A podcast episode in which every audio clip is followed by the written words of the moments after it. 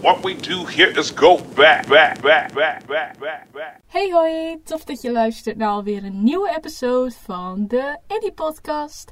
De podcast met elk onderwerp, op elk moment en op elke locatie. Ja, welkom bij een eh, bonus episode. Eh, ik durf niet trouwens te zeggen of het ook aangeeft dat het een bonus is op Spotify, wel op andere platformen, maar bij deze, het is een bonus, dus het is een extraatje. En dan zul je denken, waar heb ik dit aan verdiend? Ehm, nou, je hebt het verdiend eh, dankzij school. En ik zal even heel snel vertellen waarom. Eh, zoals heel veel van jullie weten ben ik mijn podcast begonnen vanwege een opdracht uit school. En daarin moet ik af en toe een reflectie maken, een star reflectie. Die heb je misschien ook wel gehoord. Maar dat is dit niet. dit is iets heel anders. Voor het vak coaching heb ik een aantal punten.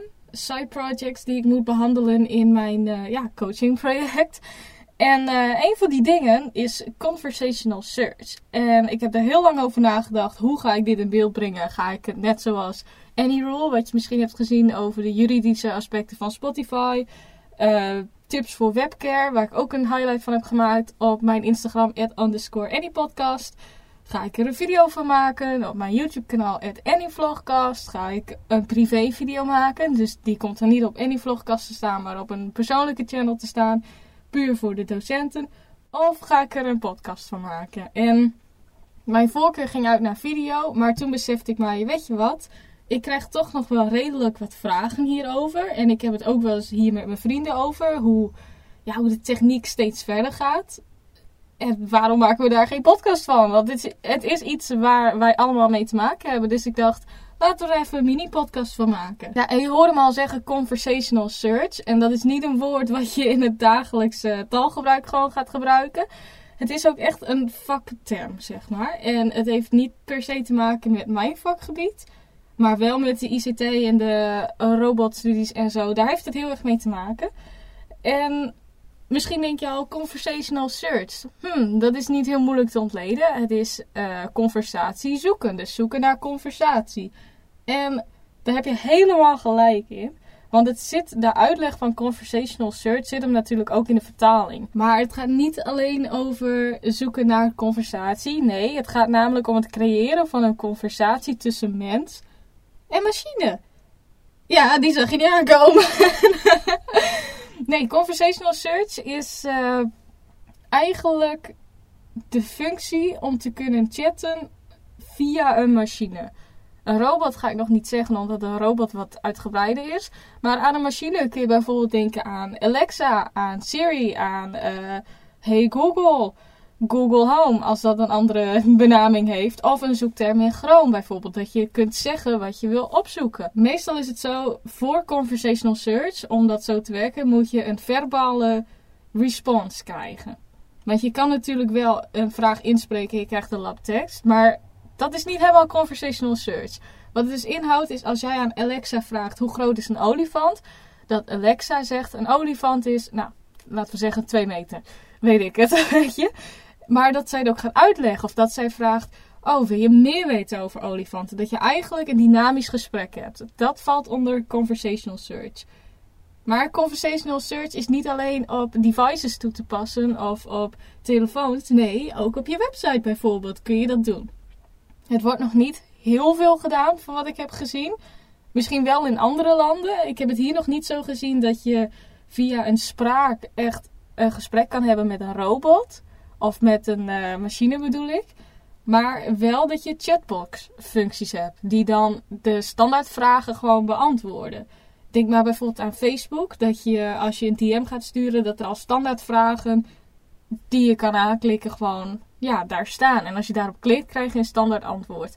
Dat valt heel klein beetje onder conversational search, maar dat is niet waar ik naartoe wil, zeg maar. Ik wil echt naar de Alexa en de, ja, neutrale, neutrale, naar de organische conversatie. Daar ga ik het vooral over hebben. Maar een chatbox kun je er wel onder schatten, zeg maar. Kun je er wel onder vatten. Nou, dan kun je natuurlijk ook denken, hoe ziet zoiets eruit? Dus ik ga heel kort uitleggen wat het design is. Ik heb het trouwens allemaal opgeschreven. Dus sorry als je het hoort dat het heel erg is voorgelezen. Maar ik leg het daarna wel uit wat er staat. Wat betreft het design van een conversational interface, zo wordt het ook wel genoemd. Deze kan bestaan uit diverse grafische elementen. Denk aan knoppen, afbeeldingen, menus, maar ook video's. Op dit moment onderscheiden we grofweg twee typen conversational interfaces of conversational search: chatbots en spraakgestuurde virtuele assistenten zoals Siri, Alexa en Google Assistant. Dat is dus waar ik me op ga richten. In deze podcast om uit te leggen wat het is. Tezamen vormen ze het zogenaamde conversational web. Maar zoals ik dus al zei, ik ga me focussen op de spraakgestuurde assistenten en de voorbeelden die er dus bij horen. Dus wat hier dus eigenlijk staat in de tekst die ik heb opgeschreven is dat een conversational interface, dat kan dus een machine zijn, maar het kan ook gewoon een website zijn. En dan ga je uit van een website en je gaat uit van de chatbox. Dan denk ik dat jullie allemaal wel weten wat het inhoudt. Je hebt een klein pop-upje met een chatfunctie en als je daarop klikt, hoppa, dan kun je zo een gesprek voeren. Of hij popt op gewoon zonder dat je het vraagt. Ik weet wel dat mensen dat nu minder leuk vinden en dat dat ook minder wordt gedaan, maar dat is ook eigenlijk een vorm van een interface. Maar uh, je moet ook bijvoorbeeld denken aan afbeeldingen of menus. En daarbij kun je dus weer denken aan de spraakgestuurde assistenten. Dat als jij vraagt: Hey Google, laat me een foto van een olifant zien. Dat is wel echt iets wat bij conversational search ook wel weer hoort. En dat is dan ook weer wat meer bij de spraakgestuurde virtuele assistant hoort. Want op een website is het meestal wel moeilijk om te zeggen: ik wil die foto hebben. Tenzij het heel specifiek weet. Maar dan, ja, dat is meestal nog niet echt een optie bij de meeste chatbox en zo. Dat gaat echt om het helpen van een klant, de chatbox. Terwijl de spraakgestuurde assistenten ook andere dingen kunnen doen. Maar het is wel zo dat zo'n spraakgestuurde assistent is ontwikkeld om eigenlijk ook mensen te helpen, maar wel op een meest organische manier, zodat het voelt alsof je een gesprek houdt. Want dat is iets wat heel veel mensen misten, bijvoorbeeld bij een chatfunctie of als je dingen moet opzoeken. Een bedrijf dat een conversational interface inzet, kan zijn gebruikers een vraag laten stellen aan een slimme robot. En slimme robot staat tussen aanhalingstekens. Want het, het, is niet helemaal een robot en zo slim zijn ze eigenlijk niet. Hier krijgen ze dan direct een antwoord op. Maar hoe kan die robot zo slim zijn? Dit komt door een ontwikkeling die we kunstmatige intelligentie noemen. Deze ontwikkeling die zelfsturende auto's mogelijk maakt en ervoor zorgt dat je de juiste filmsuggesties in Netflix krijgt te zien. Maar dan vraag je natuurlijk een beetje af, wat kunstmatige intelligentie heb je al vaker gehoord, klinkt niet heel bijzonder meer voor heel veel mensen. Maar binnen kunstmatige intelligentie heb je ook nog twee ja, onderscheiden die je kunt maken. Je kan een onderscheid maken tussen sterk, sterke kunstmatige intelligentie en beperkte kunstmatige intelligentie. En een sterke kunstmatige intelligentie of KI richt zich op de ontwikkeling van systemen die op meerdere vlakken echt zelfstandig kunnen redeneren en problemen kunnen oplossen. En dat is ook vaak meestal meer een robot. Als je moet denken aan Sophia de robot. Ik durf nou niet heel zeker te zeggen dat dat een sterke KI is. Ik weet natuurlijk niet hoe ze geprogrammeerd is. Maar zij is wel self-learning. En in dat opzicht zou ik haar wel bij een sterke KI zetten. Omdat je, je moet haar nog steeds wel een opdracht geven. Maar ze leert zelf, zeg maar. Zij kan uit zichzelf wel dingen doen. En uh, het is nu wel zover dat ze niet meer begroet hoeft te worden om terug te groeten. Zij groet nu als eerste. En dat is dus iets wat ze zichzelf heeft aangeleerd, bijvoorbeeld. Of wat is uitgelegd, weet je. Dat hoeft niet per se geprogrammeerd te zijn. En dan is het een sterke KI. De KI die wij nu in de praktijk kennen, dus de spraakgestuurde assistenties, komt meer in de buurt van beperkte KI. Dat zijn systemen die zich op een bepaald gebied heel intelligent gedragen, maar het eigenlijk niet zijn. Een systeem met een beperkte KI handelt namelijk op basis van vooraf geïnstalleerde regels, oftewel algoritmes. Hiervan kan het systeem niet afwijken. En je hebt misschien wel van het woord algoritme gehoord. Je hoort het heel vaak bij YouTubers, dat ze bijvoorbeeld niet goed in het algoritme komen of op Instagram.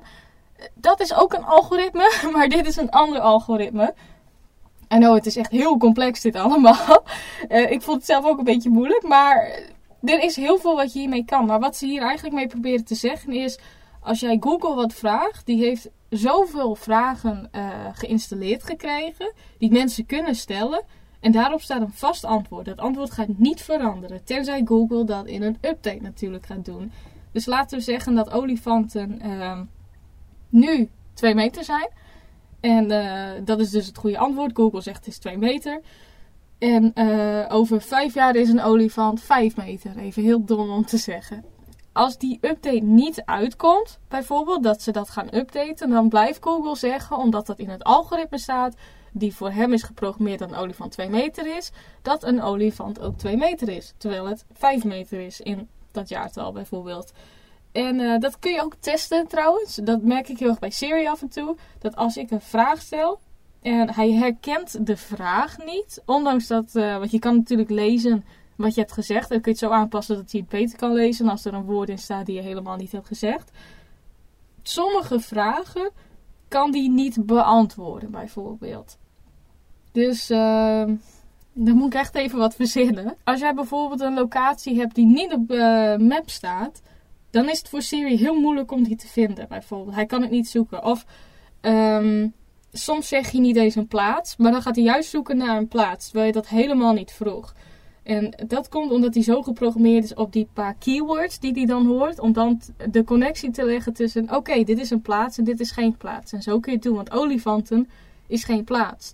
En dan weet het device van, oh, het is een dier. Zij, hij of zij, wil informatie hebben over het dier. Maar zoek je echt iets heel, heel, heel specifieks over een olifant, dan gaat Siri dat niet vinden. Want dat moet je zelf op gaan zoeken, want het staat niet in het algoritme bijvoorbeeld. En dus zoals al is gezegd, het systeem kan hier niet van afwijken. Dus wat je ook, uh, wat je wel kan testen is dat je gewoon opzoekt uh, jokes voor Siri of zo. Of uh, Google, die hebben ook al van die grapjes. En dat zijn altijd de standaard grapjes, zeg maar. Elk jaar komen er natuurlijk wel nieuwe bij, maar je komt niet verder dan die, laten we grof zeggen, 50 grapjes die voorgeprogrammeerd zijn in het systeem. Je komt niet verder dan dat. Je kan heel erg proberen. Maar als je dan een grap maakt, dan gaat hij of zij bijvoorbeeld zeggen van... Oh, I didn't get that. Or I don't understand. Or do you mean this and this? This is what I found on the web for. Weet je? Omdat dat zo geprogrammeerd is dat hij niet verder kan dan dat. En daarom is conversational search op dit moment nog een beperkte AI, zeg maar. Of een beperkte KI. nou, dan zul je denken, joh, dat klinkt wel heel cool, een beetje een spraaksysteem te hebben om zo je aankopen te doen, om reminders te krijgen en zo. Maar wat zijn de voordelen van de conversatie als een interface? Bedrijven die nu inspelen op de conversational trend onderscheiden zich van websites of services met een gewone grafische interface. Maar er zijn meer redenen om een conversational interface voor uw bedrijf te overwegen. Een conversatie is tweerichtingsverkeer. De gebruiker ontvangt niet alleen relevante informatie, maar geeft dit ook terug. Een bedrijf heeft hiermee iets heel waardevols in handen. Door deze data op te slaan in gebruikersprofielen kan de interactie in de toekomst nog persoonlijker gemaakt worden. En wat je daarbij moet, uh, ja, hoe je hier een beetje over moet nadenken, is bijvoorbeeld als de Google-website uh, de mogelijkheid heeft om dus een gesprek te voeren. Dus gewoon een conversational interface heeft. En dan vooral natuurlijk spraakgericht. En jij hebt het non-stop over olifanten. Je stelt honderden vragen over olifanten. Dan wordt die data opgeslagen. Die komt onder jouw profiel te staan.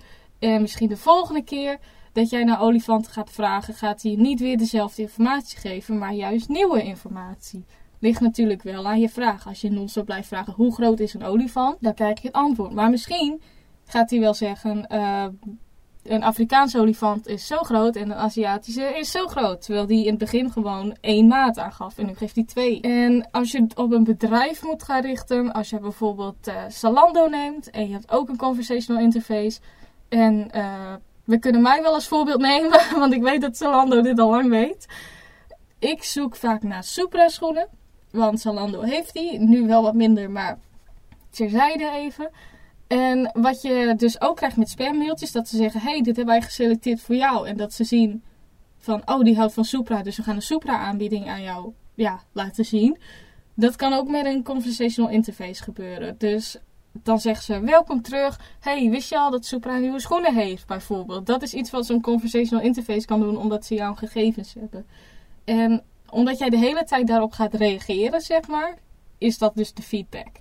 Jouw reactie is de feedback voor zowel de conversational interface als het bedrijf. En zo weten zij precies hoe zij die interface moeten aanpassen op gebruikers. Via chatbots of voice assistants is het mogelijk om vragen van consumenten eerder te beantwoorden en consumenten gerichter te helpen. Wat je vaak ziet, ik heb ook een klein testje gedaan hiermee. ik doe wel veel testjes, zeg. Maar wat je vaak ziet is, uh, als een bedrijf dicht is en we moeten gewoon uitgaan dat ze een standaard klantenservice hebben van 9 tot 5, even heel grof. Ze hebben geen WhatsApp, zoals Coolblue die non-stop staat. Ehm, ze hebben gewoon een website en daar moet je het mee doen. Als je dan zo'n chatfunctie hebt en je hebt een uh, veelgestelde vraag, bijvoorbeeld uh, wanneer gaan jullie weer open? Dan is die vraag gelijk beantwoord. En dat kan inderdaad in de vorm van een chatbox die de voorgestelde vragen al heeft staan. Of dat kan met een voice interface inderdaad. Dus dat jij vraagt, fysiek, via de computer, hoe laat gaat, uh, nou laten we zeggen, Kasten PV open.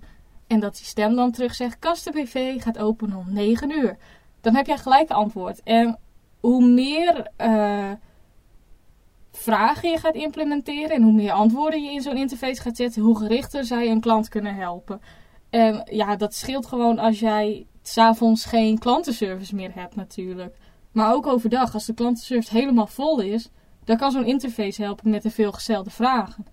En misschien doen bedrijven dat ook al door als jij een mobiele klantenservice gaat bellen. Dat jij uh, moet aangeven, ik heb een veelgestelde vraag, ik heb een specifieke vraag, ik heb een... Uh, ik moet een manager spreken, hello Karen, weet je. maar uh, als je dat misschien al gaat implementeren, dan is zo'n voice assistant of chatbox of hoe je het ook wil doen, dan is het gewoon hartstikke handig. En dat gaat klanten gelijk helpen, weet je. Gebruikers kunnen via deze interface real-time een conversatie voeren. In elke interactie bepalen ze zelf wat voor hen relevant is. Dit maakt de conversatie veranderlijker en uniek voor de gebruiker. Nou, een real-time conversatie betekent dat je op dat moment een conversatie hebt. En om terug te komen op het testje die ik heb gedaan. Ik heb bijvoorbeeld de Facebookpagina van de WNF heb ik toegeliked. En uh, het eerste wat ik kreeg was een chatbox-functie, zoals standaard bij Facebook Messenger. En daarin kon ik veelgestelde vragen uh, stellen. En volgens mij had ik toegevraagd hoe duur is een donatie. Want toen ging het nog over Australië en de bosbranden en zo. In plaats van een directe response te krijgen, wat veel Facebook-gebruikers nu gewoon hebben ingesteld, moest ik een dag wachten op de vraag van de VNF: wilt u doneren?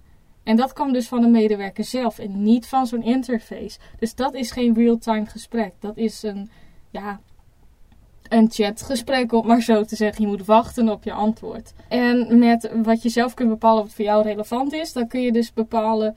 Uh, wat je dus ook wel heel vaak met Siri of uh, Google hebt, dat ze vragen: Was dit waar je naar zocht? Uh, wil je dat ik verder ga lezen? Dat heb ik ook gisteren even getest met olifanten. Ik heb gewoon aan Siri gevraagd: Hey, hey Siri, olifanten? Olifanten zijn grote zoogdieren uit de familie van de Elephantida binnen de orde van de slurfdieren. Wil je dat ik verder ga? Ja. Traditioneel worden er twee soorten erkend: de Afrikaanse olifant en de Aziatische olifant. Uit de NA's. Oké, dat is genoeg. Hij ging ook een beetje per aan, maar ik dacht, dit is het ideale moment om nou te laten horen hoe het werkt. Maar omdat uh, dit systeem mij zelf vraagt, wil je dat ik verder ga? Dan is dat voor Apple in dit geval het teken van, oké, zij wil meer interactie hebben. Zij gaat niet lezen, zij wil dat het voorgelezen wordt. En dat kan bijvoorbeeld zijn voor slechtziende mensen. En dat doet er nu even niet aan toe. Maar dat is informatie wat het dus persoonlijker gaat maken. En als je bijvoorbeeld een chatfunctie hebt uh, voor Zalando, dan zou het natuurlijk heel anders gaan. Of uh, ik bedoel een uh, interface met spraak. Dat zou natuurlijk heel anders gaan. Maar dan kunnen ze wel bijvoorbeeld, als jij moet aangeven wat voor schoenen je zoekt, wat voor maat, bla bla bla, welke kleur. Dan kunnen ze het veel persoonlijker maken. Want dan kunnen ze bijvoorbeeld zeggen, oh je hebt nou roze schoenen besteld. Maar wist je al dat groene veters echt een hele goede combi zijn. Dat kan zo'n interface zeggen als je dat dus gaat implementeren. Ze kunnen ook zeggen van, uh, nou als je twee weken wacht, dan heb je dikke korting. Ik denk niet dat ze dat gaan doen, maar you never know, weet je. Dus dat maakt het wat persoonlijker, omdat jij kunt aangeven, dit is genoeg informatie voor jou en voor mij om te krijgen wat ik wil. Of ga je heel diep in op de vraag en ga je steeds, steeds, steeds meer informatie geven. Dus je kunt zelf bepalen hoeveel informatie je gaat geven, want met een klantenservice die je belt, dan wordt er altijd non-stop doorgevraagd natuurlijk. En dan is het weer wat anders. En dan gaan we alweer naar de laatste. Bedrijven kunnen elementen zoals foto's, video's, links, maar ook software toevoegen aan een conversatie. Door deze verschillende mogelijkheden wordt de conversatie nog relevanter, leuker en interactiever. En wat ze hiermee bedoelen is bijvoorbeeld dat jij, als jij moet wachten of zo, je hebt een wachttijd, dat zo'n uh, conversational interface komt langs en die zegt: Hey, jij moet vijf minuten wachten. Wij hebben een heel leuk uh, spelletje die je nu voor vijf minuten kunt spelen. En dan hebben we het niet over Call of Duty of zo. Nee, nee, nee. Je moet een beetje denken aan de spelletjes die Google wel eens uitbrengt. Op speciale dagen bijvoorbeeld. Uh, Pac-Man Day. Dat ze een eigen versie van Pac-Man hebben gemaakt. Die je dan gewoon online kan spelen met anderen. En dat, als je uitgaat van de games natuurlijk die je dan kan spelen. Dat is hartstikke leuk. En dat kan zo'n interface bieden wat een klantenservice niet kan bieden. Daarnaast kunnen ze ook bijvoorbeeld gewoon zeggen... Uh, als jij zegt, ik zoek roze Supra schoenen in plaats dat hij gelijk naar de webpagina gaat, dat hij dan verschillende foto's laat zien van Supra's. Dus uh, je hebt low, dan moet je echt denken aan de instappers die Vans ook heeft. Je hebt middle, dat zijn de gewone schoenen. En high, of skytop heet het officieel, dat zijn de wat hogere sneakers. Dat uh, door middel van die afbeelding wordt gevraagd, oké, welk model zoek je en zo. Want dat kan, zo'n interface kan dat veel beter voor bijvoorbeeld een first time gebruiker van Zalando die nog niet weet wat al die termen zijn en zo, dan een klantenservice. Ik zou ook niet weten waarom je Zalando zou moeten bellen om schoenen uh, te krijgen. Maar even als we dat als voorbeeld nemen, dat gaat veel beter, omdat je het fysiek kan zien. Of je kan het visueel zien. En ja, en ook met video's, bijvoorbeeld als jij, dat zie je heel veel bij Coolblue, als jij een aankoop koopt, uh, of een aankoop doet van bijvoorbeeld lampen, dan, uh, komt bij jouw bestelpagina. Als jij klaar bent, dan zeggen ze: Oh, we hebben je factuur ontvangen. Of zoiets in die richting. Of sturen je de factuur. Weet ik het. Dan komt er ook gelijk uh, een video onder te staan. Een tutorial van: Oh, hoe moet je die lampen nou eigenlijk gebruiken? En dat is ook een onderdeel van een interface die dat doet. Maar dat is weer niet spraakgericht. Dus dat is niet iets waar ik me heel erg mee bezig hield. Maar uh, ja, ik zei wel, dit is een bonus. En het was de bedoeling dat het een mini-episode zou worden. Maar is weer lekker lang geworden. Dus ik hoop dat je er wat van hebt geleerd. Ik hoop dat de docenten het ook hartstikke leuk vonden. Uh, ik vond het wel leuk om hier onderzoek naar te doen. Even een mini-reflectie hierover. um, het was interessant. Het is in die zin echt iets heel cools. En het is ook nog maar echt in de baby steps van ontwikkeling. Maar het is niet iets waarvan ik zeg: oké, dat wil ik ook hebben gezien mijn producten wat ik nou oplever. maar wie weet, misschien voor toekomstige klanten of als ik mijn eigen website ga maken, zou dit echt ideaal zijn, weet je. Dus uh, ja, ik hoop ook voor mensen die wel in bedrijvenwereld zitten en zo en een eigen website hebben, dat ze hier wat van hebben geleerd en misschien wel denken van, hé, hey, dit is wel vet, dit moet ik ook gaan doen. Dus ja, dat, uh, dat zijn al mijn hopes en dreams voor deze bonus episode. En uh, dan ga ik het afsluiten. Ik ga niet mijn usual talk doen. Of zou ik het wel doen? Ja, we gaan het wel doen. Vergeet vooral niet de Any Podcast te volgen op Spotify. Want ga je volgen, dan hoef je mij niet meer per se op te zoeken. En krijg je een notificatie van nieuwe updates. Zoals deze bonus die dan online komt te staan. Uh, vergeet vooral niet de episode gewoon te liken. Vergeet de Any Podcast niet te volgen op Instagram. Nogmaals, at underscore Any Podcast. Voor amazing content. En je mag mee bepalen over de episodes. En nog veel meer krijg je te zien. En vergeet niet de Annie Vlogcast te volgen op YouTube. Want dat is gewoon leuk. Heb je altijd al video's van mij willen zien? Video's waarvan je echt denkt, wat moet ik hiermee? Dan zit je op je plek bij de Annie Vlogcast. Dus uh, ja, bedankt voor het luisteren naar deze bonus. En tot volgende keer. Doei doei!